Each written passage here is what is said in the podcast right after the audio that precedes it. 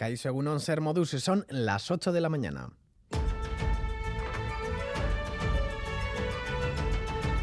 Crónica de Euskadi con Lier Puente. Esta noche han sido pocos los que han podido conciliar el sueño en Gasteiz y toda Araba. El Alavés vuelve a primera y lo ha hecho sufriendo, haciendo sufrir a la afición babazorra con un penalti pitado en el minuto 129. Así, así Libre ha marcado desde los 11 metros.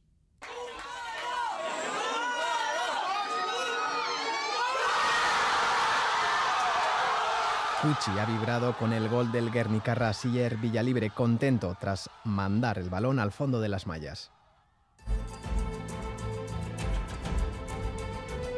Bueno, la verdad es que estaba con mucha confianza. Es verdad que por la cabeza se te pasa el fallar, ¿no? Pero me gusta mucho tirar penaltis, esperar al portero.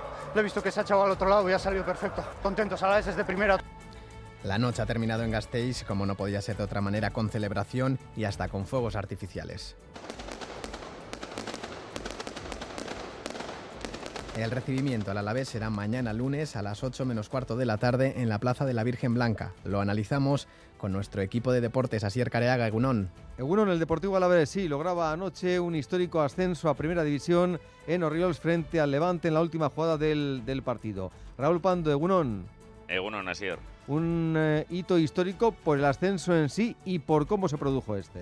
Sí, eh, eh, primero porque el equipo vuelve a primera división 13 eh, meses después, es el sexto ascenso en la historia del, del, Deportivo Alavés y ahora ya puede pensar en un nuevo proyecto en la máxima categoría, el, conjunto presidido por José Querejeta y por la forma, evidentemente, porque se produjo con, con todo el suspense del mundo. Después de, de un partido que acabó con, con, la prórroga donde el equipo había merecido de sobra haberse llevado a la victoria, pero tuvo que ser con un penalti tras revisión de VAR en el minuto 129 lanzado por Asier Villalibre y convirtiendo en gol para llevar al equipo otra vez a la primera eh, división. El equipo ya es eh, de primera, el equipo regresó anoche de madrugada a Vitoria Gasteiz y el equipo será recibido mañana en Plaza de la Virgen Blanca por la afición aliazor.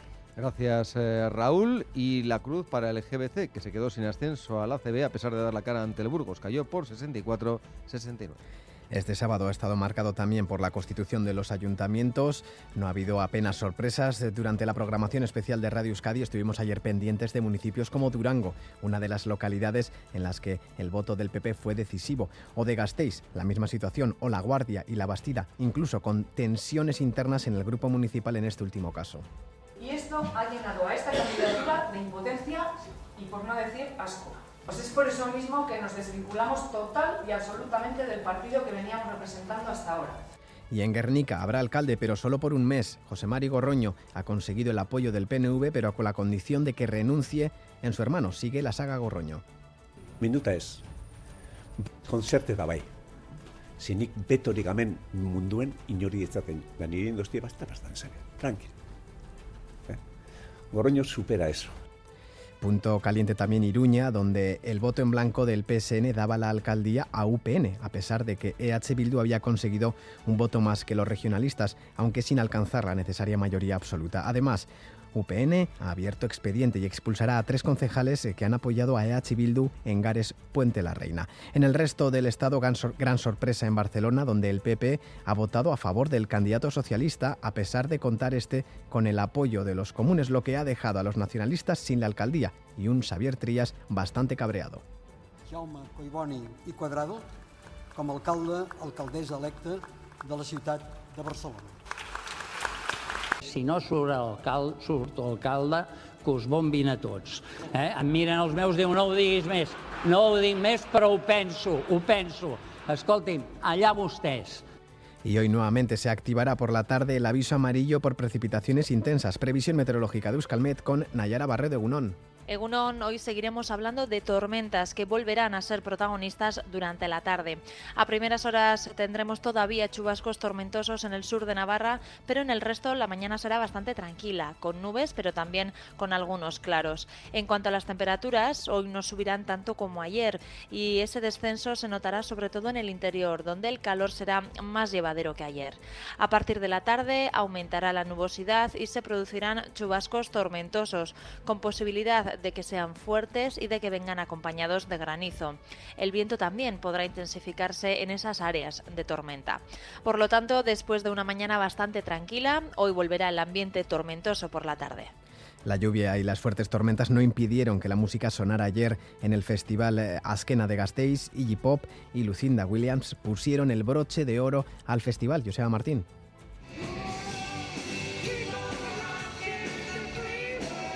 La jornada final del Askena Rock Festival se puede resumir con tres imágenes.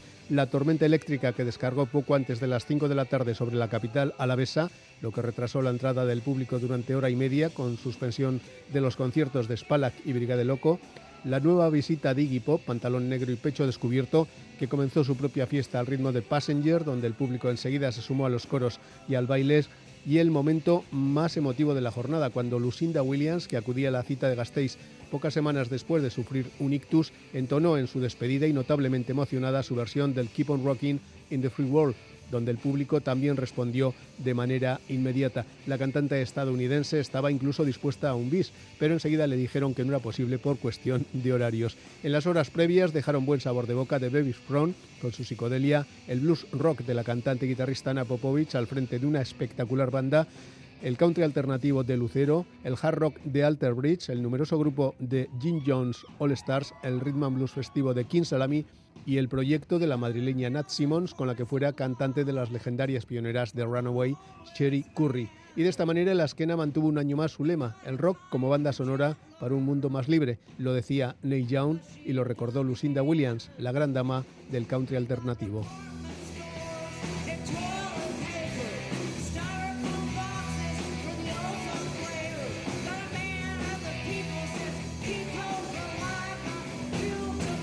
Reciban un saludo de los compañeros y compañeras de redacción que hacen posible este informativo, también de Maitán Bujedo, Jorge Ibáñez y Asier Aparicio desde la parte técnica. Son las 8 y 7 minutos. Comenzamos.